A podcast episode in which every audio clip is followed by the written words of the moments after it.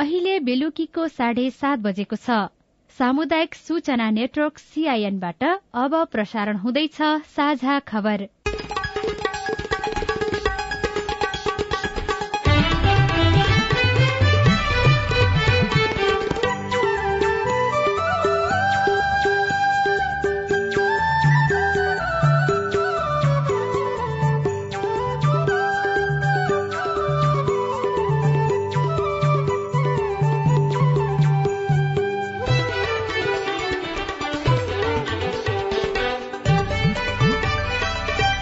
सीआईएनको साझा खबरबाट लील प्रकाश चन्दको नमस्कार। साझा खबर देशभरिका सामुदायिक radio CIN Khabar dot com र मोबाइल एप सीआईएनमा पनि सुन्न सकिन्छ।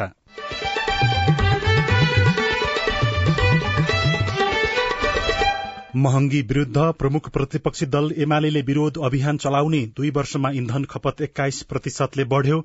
बढ़ाइएको भाउ फिर्ता लिन सांसदहरूको माग नागरिकलाई सुविधा दिन सुझाव।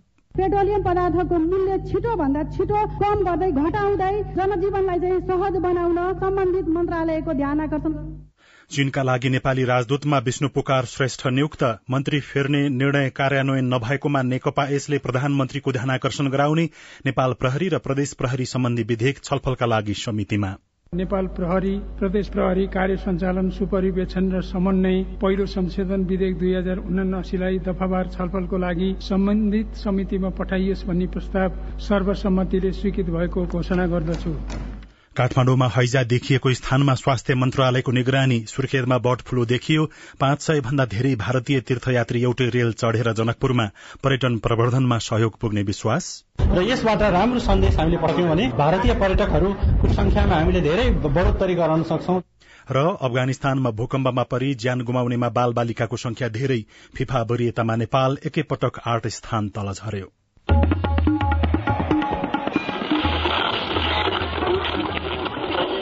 सयौं रेडियो। हजारौं रेडियो कर्मी र करोड़ौं नेपालीको माझमा यो हो सामुदायिक सूचना नेटवर्क सीआईएन पटक पटक बढ़ने इन्धनको मूल्यका कारण सबैभन्दा बढ़ी प्रभावित हुनेमा विद्यार्थी पनि पर्छन्। उनीहरूको अधिकार रक्षाका लागि भन्दै फरक फरक संगठनहरू पनि छन् तर महँगीका विरूद्ध उनीहरूको अभियान झारा टार्ने वा औपचारिकतामा मात्रै सीमित हुने गरेको छ। लगातार बढ़ेको इन्धनको मूल्य विरूद्ध पेशाकर्मी बुद्धिजीवी चरणबद्ध दबाव अभियानमा छन् तर विद्यार्थी संगठन भने आफ्नो पार्टीको छत्र छाया खोज्नमै रूमल लिएको आरोप लागिरहेको छ। अब खबर सजना तिमल प्रमुख प्रतिपक्षी दल नेकपा एमाले बढ़दो महँगी र मूल्य वृद्धि विरूद्ध विरोध अभियान चलाउने भएको छ। आज पार्टी केन्द्रीय कार्यालय च्यासल ललितपुरमा जनवर्गीय संगठनका अध्यक्षहरूसँगको छलफलले पेट्रोलियम पदार्थ सहित खाद्यान्न लगायतको मूल्य वृद्धि मल र पुस्तक अभाव लगायत जनसरोकारका विषयमा अभियान चलाउने निर्णय गरेको हो। बाइस जनसंगठनका प्रमुखको सहभागिता रहेको बैठकले पार्टी अध्यक्ष केपी शर्मा ओलीले सरकार छाडेको एक वर्षभित्र मूल्य वृद्धि तीन सय प्रतिशतसम्म पुगेको दावी गर्दै वर्तमान सरकारको आलोचना पनि गरेको छ। संसदमा आज बोल्ने सांसदहरूले पनि सरकारले इन्धनको मूल्य बढ़ाएर नागरिकको दैनिकी प्रभावित पारेको भन्दै बढ़ाइएको इन्धनको भाव फिर्ता लिन माग गरेका छन्। रूस र युक्रेनको युद्ध देखाएर जनतालाई अन्याय गर्न पाइँदैन। तत्काल यो निर्णय फिर्ता लिनुपर्दछ। होइन भने यसको विकल्प दिनुपर्छ भनी सम्बन्धित निकायको ध्यान आकर्षण गर्न चाहन्छु। नागरिकता विधेयक पास भएर सदनमा आइसकेको छ तर सदनमा अझ पनि छलफल भएको छैन। त्यसैले गर्दाखेरि छिटोभन्दा छिटो सदनमा ल्याउनको लागि सम्बन्धित निकायको ध्यान आकर्षण गर्न चाहन्छु। निम्न आय भएका वर्गहरूको चुलो नबल्ने स्थितिलाई ध्यानमा राख्दै पेट्रोलियम पदार्थको मूल्य छिटो भन्दा छिटो कम गर्दै घटाउँदै जनजीवनलाई चाहिँ सहज बनाउन सम्बन्धित मन्त्रालयको ध्यान आकर्षण नेपालमा प्रयोग हुने दैनिक उपभोग्य वस्तु अन्य विलासिताका सामग्री मध्ये नब्बे प्रतिशत भन्दा बढ़ी आयात हुने गरेको छ। वर्षमा झण्डै चौध खर्ब छैसठी अर्ब भन्दा बढ़ीको सामान आयात गर्ने नेपालले इन्धन मात्रै लगभग दुई खर्ब अठार अर्ब भन्दा बढ़ीको किन्छ। उत्पादन र खपतका दृष्टिले नेपाल परनिर्भर मुलुक हो। सियोदेखि नुनसम्म बिमारी हुँदाको औषधिदेखि लगाउने लुगासम्म विदेशबाट ल्याइन्छ। यी वस्तु खरिदका लागि चाहिने विदेशी मुद्रा घट्दै गइरहेको छ। मुलुकले आयात गर्ने वस्तुको मूल्य विश्व बजारमा बढ़दै गएको छ जसको सबैभन्दा ठूलो असर इन्धनमा परिरहेको छ। बढी उपयोग गर्न थाले बढी डिमान्ड हुँदै गयो भने त्यसले तेलको भाउ संसारको बजारमा बढ्दै जान्छ कुनै निश्चितता नै छैन। इन्धन दैनिक जीवन चलाउनका लागि अपरिहार्य बनेको छ। तर त्यही इन्धनको मूल्य पछिल्लो एक वर्षमा एक सय सत्र प्रतिशतले बढ़्यो। दुई वर्ष अघि एक खर्ब तिरानब्बे अर्बको इन्धन आयात भएकोमा चालू आर्थिक वर्षको दश महिनाको अवधिमा दुई खर्ब अठार अर्बको इन्धन आयात भएको छ। अर्थ क्षेत्रका एकजना जानकार डाक्टर चिरञ्जीवी नेपाल। दुई सय पुगिसक्यो। तिन सय पुग्नलाई केही समय लाग्ला जस्तो लाग्दैन मलाई। त्यस कारणले गर्दाखेरि अब आयातमा कति चिजहरूमा प्रतिबन्ध लगाउनु पर्यो आवश्यक कुरा भन्दा बाहेक अरू कुरा नकिन्ने। सरकारसँग हाल करिब साढे बाह्र खर्ब बराबरको विदेशी मुद्रा संचित छ जसले बढ़ीमा चारदेखि पाँच महिनालाई आयात धान्न सक्छ। दुई वर्षको अवधिमा नेपालमा इन्धनको खपत पनि एक्काइस प्रतिशतले बढ़ेको छ। सरकारले इन्धनको खपत कम गर्नका लागि विभिन्न योजना बनाए पनि त्यो प्रभावकारी देखिएको छैन। जसले नेपाली अर्थव्यवस्थालाई धराशायी बनाउने चिन्ता बढ़ाएको छ। नीतिगत घटाउने करका दर त्यस्ता कुराहरू हामीले गर्दै गरेका छैनौँ। पेट्रोल डिजेल खपत कम गर्दै जाने छोकिएन भने एकैचोटि गएर बन्द गर्दा धेरै नै असहज पर्ने स्थिति आउन सक्छ। भोलि गएर ढुकुटी हाम्रो थोरै हुँदै गइरहेछ। यो दुईटाले नराम्रोसँग असर पार्छ। सधैँ घाटामा रहिरहने नेपाल आयल निगमले सोमबार दक्षिण एसियामै सबैभन्दा महँगो हुने गरी इन्धनको मूल्य बढ़ायो। अझै पनि निगम मासिक नौ अर्ब भन्दा बढ़ीको घाटामा छ। कुल आयातको लगभग पन्ध्र प्रतिशत भाग ओगटेको इन्धन खरिदले नै सरकारको विदेशी मुद्रा संचिति घट्दै गएको देखिन्छ। विदेशी मुद्रा घट्नु भनेको वैदेशिक ऋण दिने दाताहरूप्रति विश्वास पनि गुमाउँदै जानु हो जसले नेपालको अर्थतन्त्र निकै कमजोर पार्न सक्ने विज्ञहरूको आकलन छ। स्नेहा कर्ण सीआईएन काठमाडौँ। सांसदहरूले नागरिकता विधायक प्रक्रियामा लैजान पनि माग गरेका छन्। प्रतिनिधि सभाको आजको बैठकमा बोल्दै एमाले सांसद लालबाबु पण्डित। दुई लाख पचास हजार भन्दा बढी युवाहरू नागरिकता सहित पहिचानको खोजीमा रहेका छन्। सरकारले नागरिकता विधेयकलाई फास्ट ट्र्याकबाट पारित गरी नागरिकता वितरणको व्यवस्था मिलाओस् भन्ने आग्रह गर्न चाहन्छु। संघीय निजामती सेवा ऐन जुन राज्य व्यवस्था तथा सुशासन समितिबाट पारित भएको त्यो ऐनलाई छिटो संसदमा ल्याई पारित गर्ने तर्फ सरकारको ध्यान आकर्षण गर्न चाहन्छु। यस्तै प्रतिनिधि सभाले नेपाल प्रहरी र प्रदेश प्रहरी कार्य सञ्चालन सुपरिवेक्षण र समन्वय पहिलो संशोधन विधेयक दुई हजार उना अस्सी दफावार छलफलका लागि संसदीय समितिमा पठाएको छ। आज बसेको प्रतिनिधि सभाको दोस्रो बैठकमा गृहमन्त्री बालकृष्ण खाँडले यो विधेयक दफावार छलफलको लागि सम्बन्धित समितिमा पठाउने सम्बन्धी प्रस्ताव प्रस्तुत गर्नु भएको थियो। उक्त प्रस्ताव सर्वसम्मत स्वीकृत भएको सभामुख अग्नि सापकोटाले घोषणा गर्नुभयो। नेपाल प्रहरी र प्रदेश प्रहरी कार्य सञ्चालन सुपरिवेक्षण र समन्वय पहिलो संशोधन विधेयक दुई हजार उनासीलाई दफावार छलफलको लागि सम्बन्धित समितिमा पठाइयोस् भन्ने प्रस्तावलाई निर्णयार्थ प्रस्तुत गर्दछु। प्रस्तावको पक्षमा हुने मान्य सदस्यहरूले हुन्छ भन्नुहोस्। यसको विपक्षमा हुने मान्य सदस्यहरूले हुन्न भन्नुहोस्। हुन्न भन्ने आवाज सुनिएन तसर्थ नेपाल प्रहरी प्रदेश प्रहरी कार्य सञ्चालन सुपरिवेक्षण र समन्वय पहिलो संशोधन विधेयक दुई हजार उनासीलाई दफावार छलफलको लागि सम्बन्धित समितिमा पठाइयोस् भन्ने प्रस्ताव सर्वसम्मतिले स्वीकृत भएको घोषणा गर्दछु। संघीय राजधानी काठमाण्डु उपत्यका काठमाण्डु ललितपुर र भक्तपुरको सुरक्षा केन्द्र मातहत राख्ने कानूनी व्यवस्थाका लागि यो विधेयक ल्याइएको हो। सरकारले चीनका लागि नेपालको राजदूतमा विष्णु पुकार श्रेष्ठलाई नियुक्त गरेको छ। राष्ट्रपति विद्यादेवी भण्डारीले मन्त्री परिषदको सिफारिशमा श्रेष्ठलाई आज राजदूत नियुक्त गर्नु भएको हो। संविधानको धारा दुई सय बयासी बमोजिम श्रेष्ठलाई राजदूत नियुक्त गरिएको राष्ट्रपतिको कार्यालयले जनाएको छ। अबको एक साताभित्र पाठ्य पुस्तक छपाईको काम सकिने जनक शिक्षा सामग्री केन्द्रले दावी गरेको छ। अझै दस लाख पुस्तक छाप्न बाँकी रहेको र यो पुस्तक एक साताभित्र छापिसक्ने केन्द्रले दावी गरेको हो। असारको पन्ध्रसम्म विद्यार्थीको हातमा पाठ्य पुस्तक पुर्याइसक्ने लक्ष्यका साथ काम भइरहेको केन्द्रका सूचना अधिकारी चित्रकुमार आचार्यले सीआईएनसँग बताउनुभयो। अहिले हामीले देशभरि सबै ठाउँमाहरूमा पाठ्य पुस्तकहरू पुर्याउने काम हाम्रो गरिरहेका छौँ। अहिले चाहिँ लगभग लगभग पन्चानब्बे प्रतिशत छपाई सकेर बिक्री वितरणकै क्रममा हामी छौँ। अब पाँच प्रतिशत पाठ्य पुस्तकहरू चाहिँ छपाई गर्न बाँकी छ। त्यो चाहिँ अहिले हामी छपाई गर्दैछौँ। छपाई भइसकेको पन्चानब्बे प्रतिशत पाठ्य पुस्तक चाहिँ जिल्ला जिल्लामा पुगिसकेका हुन् अथवा पठाउनै बाँकी रहेको छ? ए हामीले हामीले यहाँबाट छपाई गरेर हाम्रो कार्यालयहरूमा पठाइसकेका छौँ। अब कार्यालयहरूबाट बाटोमा पनि हुनसक्छ दुई तिन पर्सेन्ट तिन चार पर्सेन्ट किताबहरू। सबै विद्यार्थीहरूको हातमा पाठ्य पुस्तक चाहिँ कहिलेसम्म पुग्छ त? अब यो हामी चाहिँ यो नयाँ नयाँ डिमान्डहरू थपिरहेको छ। त्यो नयाँ डिमान्ड थपे थपेन भनेदेखि त अब हाम्रो लक्ष्य अनुसार त हामीले नाइन्टी फाइभ पर्सेन्ट छपाई गरेर पठाइसकेका छौँ। अब पाँच पर्सेन्ट पनि हामी पाँच सात दिनभित्रमा छपाई गरिसक्छौँ। अब त्यति गर्दाखेरि पनि अहिले हामीले के ट्रेन्ड देखिएको छ भने गत वर्षको भन्दा पाठ्य पुस्तकहरू चाहिँ थप माग भइरहेको छ। ए होइन अहिले हाम्रो मुख्य समस्या भनेको यो सबै क्लासहरूको इङ्ग्लिस नेपाली र सामाजिक पाठ्यपुस्तक हो। ती पाठ्यपुस्तकहरू चाहिँ निजी स्कुलहरूले पनि लगाएको कारणले गर्दा हामीले सामुदायिकको लागि तयार गरेको पाठ्यपुस्तकहरू चाहिँ निजीमा पनि पुगेको र त्यो पाठ्यपुस्तकहरू थप सफाइ गर्नुपर्ने देखिएको हुनाले अहिले अलिकति अभाव देखिएको हो। टिपुट रूपमा कतै कतै त्यस्तो भएको छ। जनक शिक्षाले समयमै पाठ्य पुस्तक छाप्ने दावी गरे पनि वर्षेनी छपाई ढिला हुँदा विद्यार्थीले पुस्तक बिना नै पढ्नुपर्ने बाध्यता छ। सरकारले पाँचदेखि बाह्र वर्ष मुनिका बाल बालिकालाई आजबाट कोरोना विरूद्धको खोप लगाउन शुरू गरेको छ। देशभरका झण्डै उनाचालिस लाख बाल बालिकालाई कोरोना विरूद्धको फाइजर खोप लगाउन शुरू गरिएको स्वास्थ्य तथा जनसंख्या मन्त्रालयका सहप्रवक्ता डाक्टर समीर कुमार अधिकारीले बताउनुभयो।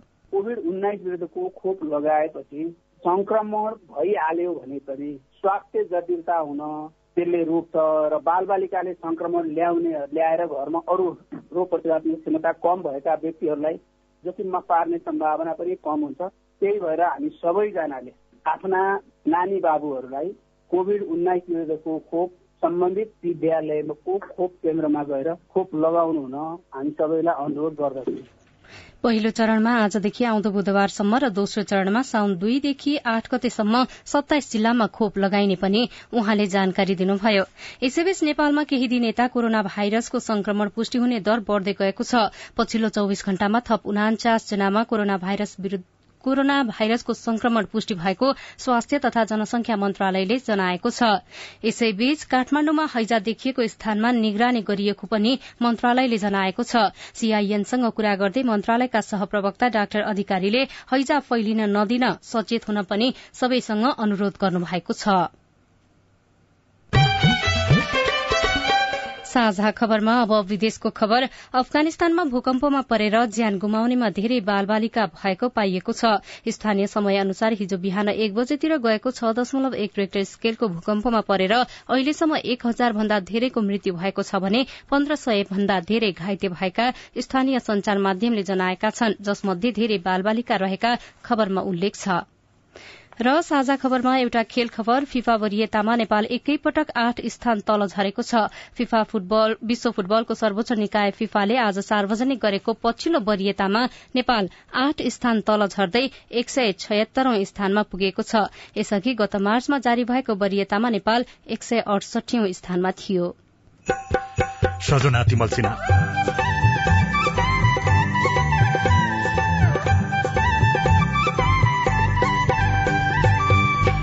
मध्य प्रदेशमा धार्मिक पर्यटनको सम्भावना?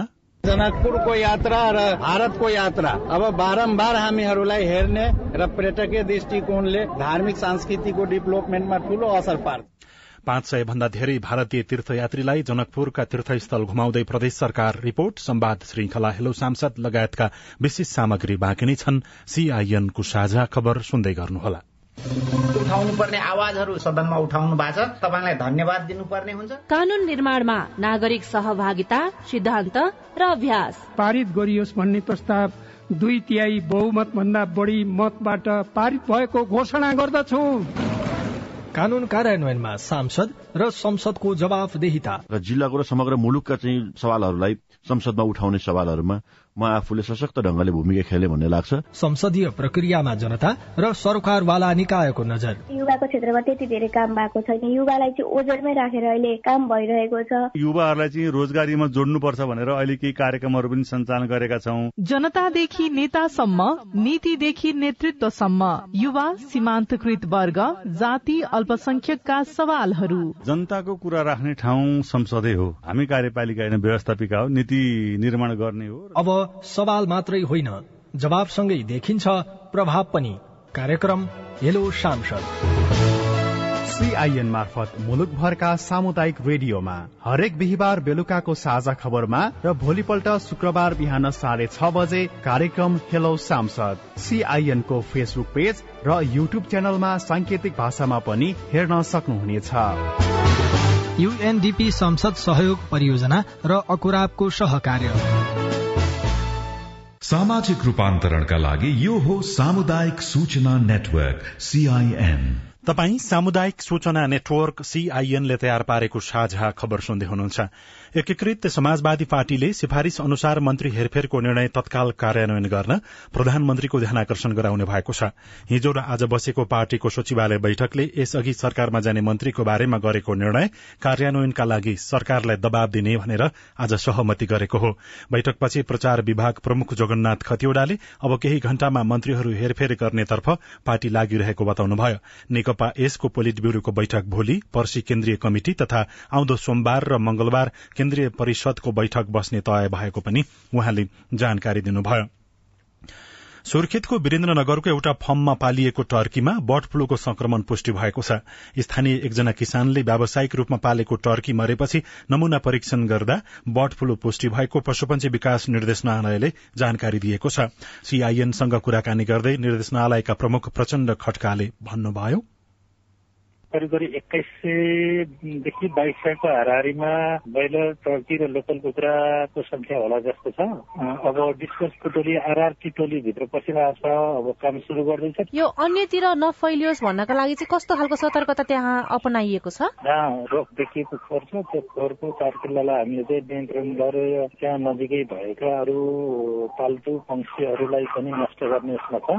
यो बर्ड फ्लू नियन्त्रण निर्देशिका छ निर्देशिका अनुसार आरआरटी पी भनेको एउटा टिम हुन्छ त्यो टिम र त्यस्तोमा सम्बन्धित अरू पङ्क्तिमा छोप्ने मान्छेहरू मात्रै भित्र पिटी लगाएर एकदमै सुरक्षित तरिकाले भित्र पस्नु भएको छ उहाँहरू। अब पङ्क्षीहरू चाहिँ छोपेर गर्दै हुनुहुन्छ अनि एउटा गहिरो खाडल खनेर त्यसमा चुना हालेर नुन समेत हालेर त्यो एरियालाई चाहिँ बयालिस दिनसम्म यताउता कसैले गर्न नपाउने गरी त्यो तरिका अप्नाएको छ अन्य क्षेत्रमा पनि फैलन सक्ने भएकाले सावधानी अप्नाउन निर्देशनालयका प्रमुख प्रचण्ड खड्काले बताउनुभयो नौवटा स्थानीय तह रहेको ताप्लेजुङमा मौवा खोला गाउँपालिकाले आगामी आर्थिक वर्ष दुई हजार उनासी अस्सीको बजेट तथा नीति कार्यक्रम आज सार्वजनिक गरेको छ। मौवा खोला गाउँपालिकाले एघारौं गाउँसभा तथा अधिवेशनको आयोजना गर्दै आगामी आर्थिक वर्षको बजेट तथा नीति कार्यक्रम आज सार्वजनिक गरेको हो। ताप्लेजुङको मौवा खोला गाउँपालिकाले बजेट साढे सैतिस करोड़ अन्य पालिकाले भने भोलि सार्वजनिक गर्ने तयारी गरेको रेडियो तमोरले खबर पठाएको छ।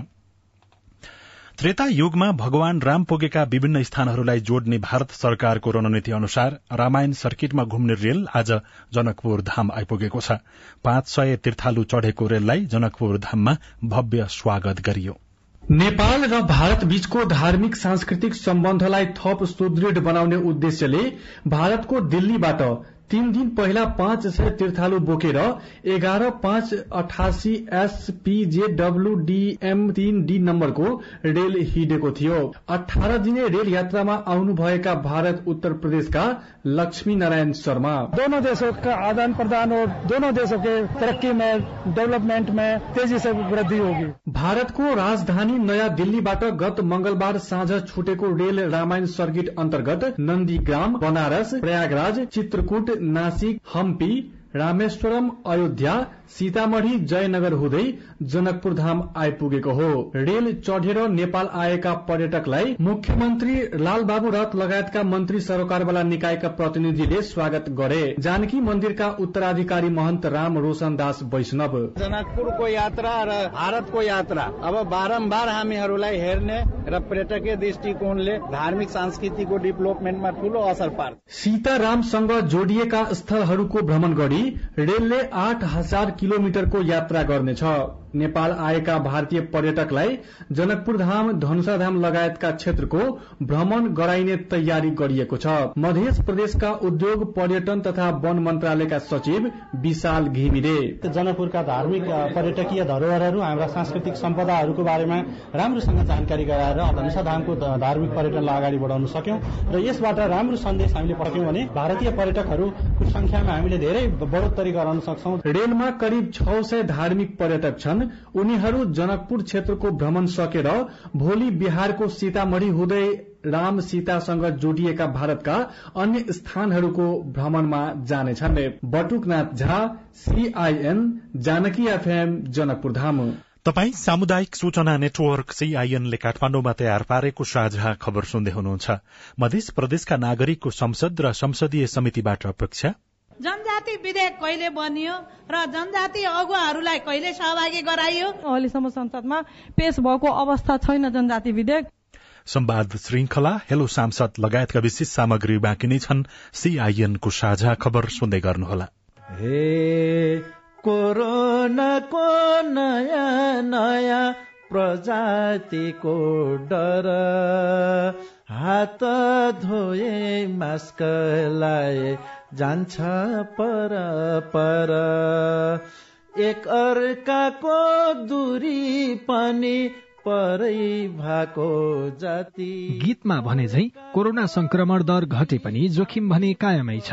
अझै पनि नयाँ नयाँ प्रजातिका भाइरसहरू आउन सक्छन्। खोप्लाएसी कोरोनालाई जितिन्छ रे साथी। कोरोना विरुद्धको सबै मात्रा खोप अनिवार्य लगाउनु पर्दछ। कसैको खोप छुटेको छ भने वडा कार्यालय वा नजिकको स्वास्थ्य केन्द्रमा सम्पर्क राख्नु पर्दछ। एक अर्का बीचको दूरी कायम गर्ने मास्क लगाउने र साबुन पानीले मिची मिची हात धुने कार्यलाई सधैँ कायम गर्न सकेमा कोरोना मात्रै होइन। अन्य धेरै रोगहरूबाट बच्न सकिन्छ। जीवन शैलीको भरमा बाँच्छौ हामी कोरोनाका। युएन उमनको सहयोगमा ल्याक र अकुराब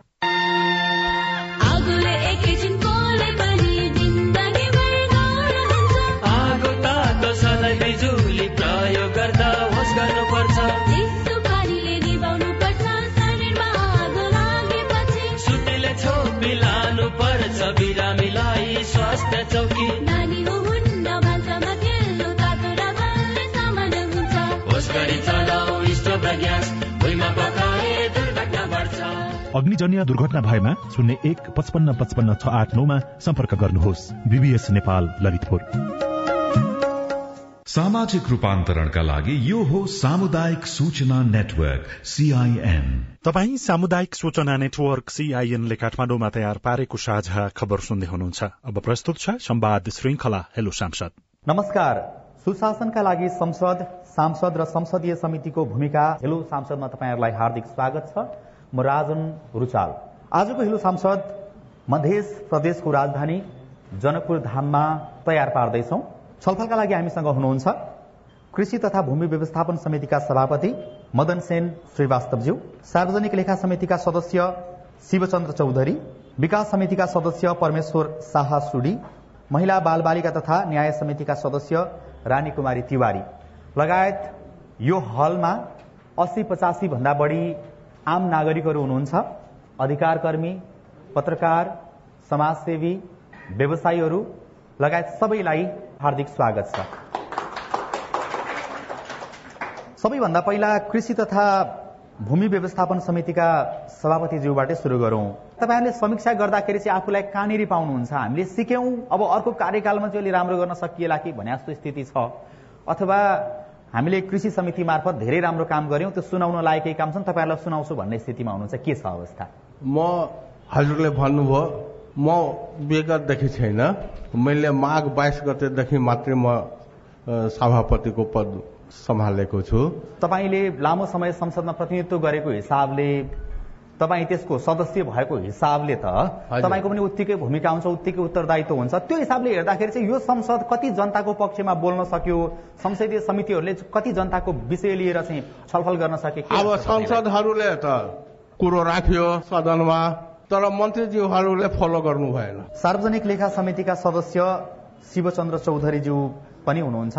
यो वर्ष प्रदेश सरकारी कार्यालय र समिति तथा अन्य संस्थागत लेखा परीक्षणबाट औलाइएको बेरोजु एक अर्ब अस्सी करोड़ उनासाठी लाख अठार हजार रहेको छ। एकदम सही कुरो। एकदम तपाईँले सही तथ्याङ्क दिनुभयो। यो कुरा चाहिँ आम नागरिकले थाहा पाउन जरुरी छ। एकदम जरुरी छ। त्यसैले यसमा लेखा समितिको कुरा सरकारले सुन्दैन सरकारी निकायहरूले सुन्दैनन् मान्दैनन् टेर्दैनन् भन्ने कुरा त्यो तपाईँहरूबाट आउने जवाफ नागरिकले अपेक्षा गरेको होइन तपाईँले कति कस्न सक्नुभयो कहाँनिर हो? किनकि फागुनबाट काम स्टार्ट गरेको हामीले। सरकारले वास्तवमा चार सालको बेरोजु हेर्ने हो भनेदेखि त्यही रिपिट जुन गल्ती पहिले गरेको थियो त्यही गल्तीहरू रिपिट रिपिट गरिकन गरिरहेछ। किनकि सरकारलाई यो थाहा छ अब यसपछि त म हुँदैन। जसको टाउकोमा आउँछ उसले फरछट गर्छ। तपाईँहरू यही कुरा किन नागरिकलाई थाहा दिनुहुन्न? किन नागरिकलाई भन्नुहुन्न त भए? नागरिकलाई तपाईँ जस्तै साथीहरू आएपछि सम्पर्क गराइदिएपछि न हो नागरिकलाई दिने। हामीलाई त मन चाहिँ छैन नि नागरिकलाई भन्ने। हामीले यी कुराहरू चाहिँ सदनमा भन्छौँ। सदनमा कति नागरिकले सुन्ने गर्छ हाम्रो कुराहरू? त्यो आफ्नो ठाउँमा छ। हामीसँग विकास समितिका सदस्यज्यू पनि हुनुहुन्छ। परमेश्वर शाह सुडी विकास समितिले चाहिँ अरू समितिहरूको जस्तै अवस्था हो कि अलिक फरक तरिकाले काम गर्न पायो? तपाईँहरूले भन्ने पनि जवाब त्यस्तै हो। हामी त कामै गर्न पाएनौँ। कहिले कोरोना आयो कहिले बाढी आयो कहिले विपद आयो भन्ने हिसाबको कुरा भइराखेको छ कि त्यो बिचमा पनि केही न केही काम गर्ने अवसरहरू खोज्यौँ र काम गर्यौँ जनताको लागि केही न केही राहत महसुस हुने काम गर्यौँ भन्ने खालको कुरा हो। धन्यवाद तपाईँलाई। यो प्रदेश सभामा सातवटा समिति मध्ये एउटा विकास समिति हो। समिति जुन रूपमा भूमिका खेल्नु पर्ने हो निश्चित रूपमा खेल्न सकेको छैन। म आफ्नो समितिको कुरा गर्दाखेरि अहिलेसम्म हामीले प्रदेश सभाबाट एउटा विद्युत सम्बन्धी विधेयक त्यसलाई कानून बनाउन सफल भयो। दोस्रो सड़क सम्बन्धी विधेयकलाई कानून बनाउन सफल भयो। तेस्रो अहिले हाम्रो यातायात सम्बन्धी विधेयक लगभग फाइनलमा पुगिसकेको छ। त्यसलाई चाहिँ हाउसमा पेश गर्नुपर्ने। र त्यो चाहिँ पास भएपछि हाम्रो यातायात विधेयक पनि कानून बन्ने छ। अब महिला बाल बालिका तथा न्याय समितिका सदस्यजी हुनुहुन्छ रानी कुमारी तिवारी। हाम्रो समितिमा अहिलेसम्म भन्नुहुन्छ भने यो प्रदेशभित्र सबैभन्दा बढी विधेयक पास गरेको पनि हाम्रो समितिबाट हो। र मलाई लाग्छ छलफल गराएको पनि संख्या गर्नुहुन्छ भने सबैभन्दा बढी सातैवटा समिति भन्दा बढी हाम्रो समितिले छलफल गराएको हो। अब हामी नागरिकको प्रश्नहरू लिन्छौँ। म सरोज कुमार मिश्र जनकपुर उपमहानगरपालिका वडा नम्बर आठ। सबभन्दा पहिला म कृषि तथा भूमि व्यवस्थापन समितिका संयोजकजीलाई एउटा प्रश्न गर्न चाहन्छु। यो समितिले अहिलेसम्म पारदर्शी नहुनुको कारण के हो? किनभने कृषि अनुदानदेखि लिएर कृषि सामग्री वितरणसम्म यहाँ मन्त्रीकै आसेपासेदेखि लिएर विभिन्न वाडाका वाडा अध्यक्ष जीवहरूको नाउँ आयो जसमा चाहिँ कृषि अनुदानको सामग्रीहरू वितरण गरिएको छ र आम नागरिकले जसले पाउनु पर्ने तिनीहरूले पाएका छैनन्। सम्पूर्णमा नमस्ते म जमुना भुजेल। जनजाति विधेयक कहिले बनियो र जनजाति अगुवाहरूलाई कहिले सहभागी गराइयो त्यो र कार्यान्वयनमा छ कि छैन मेरो जिज्ञासा यति मात्रै धन्यवाद। हाम्रो कृषि तथा भूमि व्यवस्थापन समितिका सभापतिजी हुनुहुन्छ। मदन सेन श्रीवास्तव तपाईँबाट सुरु गरौं। तपाईँसँग ठोकिएका प्रश्नहरूको जवाब संक्षेपमा दिनुहोला। कृषि सम्बन्धी अनुदानको कुरा आयो। अहिलेसम्म सदुपयोग भए छैन। धेरै जसो दुरुपयोग नै भएछ। म पनि यो माघ बाइस गतेदेखि अध्ययन गर्दा मलाई पनि त्यस्तो लाड लागेछ। किनकि त्यसमा सबभन्दा पहिला क्याटेगोरी छुट्याउनु पर्छ अध्ययन गर्ने कुरा थाहा पाउने कुरा चाहिँ यत्रो वर्ष भयो प्रदेश सभामा आएको अनि जम्मा यो सभापति भए पछाडि मात्रै अध्ययन गर्नुपर्छ भन्ने होइन हजुरलाई पहिला पनि भनेछु कृषि ऐन बनाउन सकेन। त्यो हामीहरू सबै मान्यज्यूबाट त्यो त्रुटि भएछ त्यो स्वीकार गरिसकेछौँ। महिला बाल बालिका तथा सामाजिक न्याय समितिका सदस्य हुनुहुन्छ रानी कुमारी तिवारी। हाम्रो विधेयकको कुरा गर्नुभयो जनजाति विधेयकको। जनजाति विधेयक हामी बीच आएकै छैन। त्यसले गर्दाखेरि त्यो विधेयक अहिले पास हुने कुरै भएन। अहिलेसम्म संसदमा पेश भएको अवस्था छैन जनजाति विधेयक। त्यो चाहिँ म उहाँलाई स्पष्ट गरिदिन्छु। हामीले पनि यो कुरा बोल्यौँ कि हामीले हाउसमा बोलिराख्दाखेरि के हाम्रो सरकारले सुन्ने मात्रै हो? के हामी यहाँ बोल्ने मात्रै हो र उहाँहरूले सुन्ने मात्रै हो? कार्यान्वयन पनि हुन्छ कि हुँदैन? भनेर हामीले प्रश्न उठाएकै छौँ। संवाद श्रृंखला हेलो सांसदको विस्तृत कुराकानी भोलि बिहान साढे छ बजेको कार्यक्रम हेलो सांसदमा प्रसारण हुनेछ। सुन्ने प्रयास गर्नुहोला। महँगी विरूद्ध प्रमुख प्रतिपक्षी दल नेकपा एमाले विरोध अभियान चलाउने घोषणा गरेको छ। दुई वर्षमा इन्धन खपत एक्काइस प्रतिशतले बढ़ेको छ। बढ़ाइएको भाव फिर्ता लिन सांसदहरूले पनि माग गरेका छन्। नागरिकलाई सुविधा दिनको लागि सरकारलाई सुझाव दिएका छन्। चीनका लागि नेपाली राजदूतमा विष्णु पुकार श्रेष्ठ नियुक्त हुनुभयो। मन्त्री फेर्ने निर्णय कार्यान्वयन नभएकोमा नेकपा यसले प्रधानमन्त्रीको ध्यानकर्षण गराउने भएको छ। नेपाल प्रहरी र प्रदेश प्रहरी सम्बन्धी विधेयक छलफलका लागि समितिमा पठाउने प्रस्ताव स्वीकृत भएको छ। काठमाडौँमा हैजा देखिएको स्थानमा स्वास्थ्य मन्त्रालयले निगरानी बढ़ाइएको बताएको छ। सुर्खेतमा बर्ड फ्लू देखिएको छ। पाँच सय भन्दा बढ़ी भारतीय तीर्थयात्री एउटै रेल चढ़ेर आज जनकपुरमा पुगेका छन्। पर्यटन प्रवर्धनमा सहयोग पुग्ने प्रदेश सरकारले विश्वास व्यक्त गरेको छ। र अफगानिस्तानमा भूकम्पमा परि ज्यान गुमाउनेमा बाल बालिकाको संख्या धेरै रहेको पाइएको छ। फिफा वरियतामा नेपाल एकैपटक आठ स्थान तल झरेको छ। हवस् आजलाई साझा खबरको समय सकियो। प्राविधिक साथी सुरेन्द्र सिंहलाई धन्यवाद। भोलि असार दश गते बिहान छ बजेको साझा खबरमा फेरि भेटौँला। अहिलेलाई लील प्रकाश चन्द पनि विदा हुन्छु। नमस्कार शुभरात्री।